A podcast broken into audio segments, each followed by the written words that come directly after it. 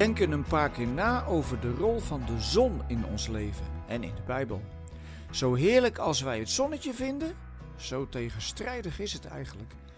Of misschien is tegenstrijdig niet het goede woord. Het is meer zo dat de zon twee hele verschillende kanten heeft.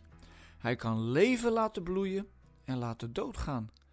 Natuurlijk weten we dat je de zon en warmte nodig hebt om iets te laten groeien. En in Nederland kijken we er het grootste deel van het jaar op die manier tegenaan. Maar we hebben het zelfs hier al een paar keer meegemaakt dat de zon zo ongenadig kan schijnen en dat het zo heet is dat alles verdort en het veel te droog wordt. En kijk maar naar onszelf. Je hebt de zon nodig om aan je vitamine D te komen. Maar je moet ook oppassen met de zon dat je niet verbrandt. En dan moet je je zelfs tegen haar beschermen met crème, minstens factor 30. In de gelijkenis van het zaaien, die Jezus vertelt, vergelijkt hij mensen die geen sterke wortels hebben met zaad dat opkomt, maar meteen verschroeit als de zon erop gaat schijnen.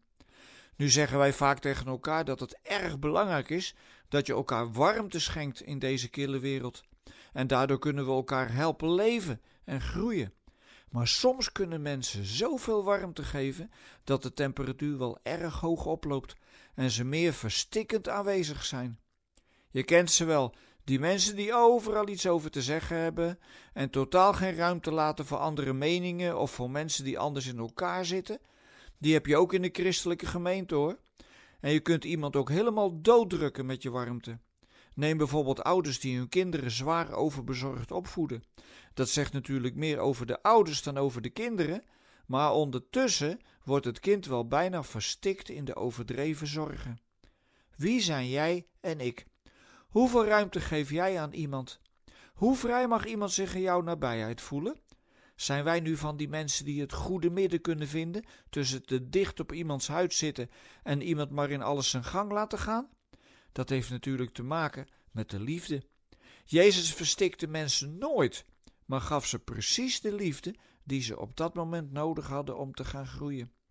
Zijn tegenstanders verstikten de mensen juist heel erg met al hun regeltjes en voorschriften zonder enige speelruimte. En juist om die speelruimte gaat het.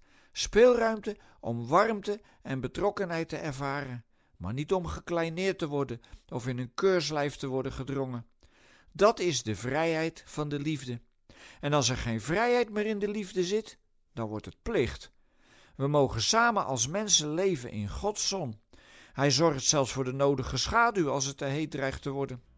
En als je daar geen gebruik van maakt, ja, dan word je al snel als die man uit Jacobus 1, die dacht dat er heel wat was, maar vergeleken wordt met een bloem op het veld die zomaar kan vergaan als het weer omslaat.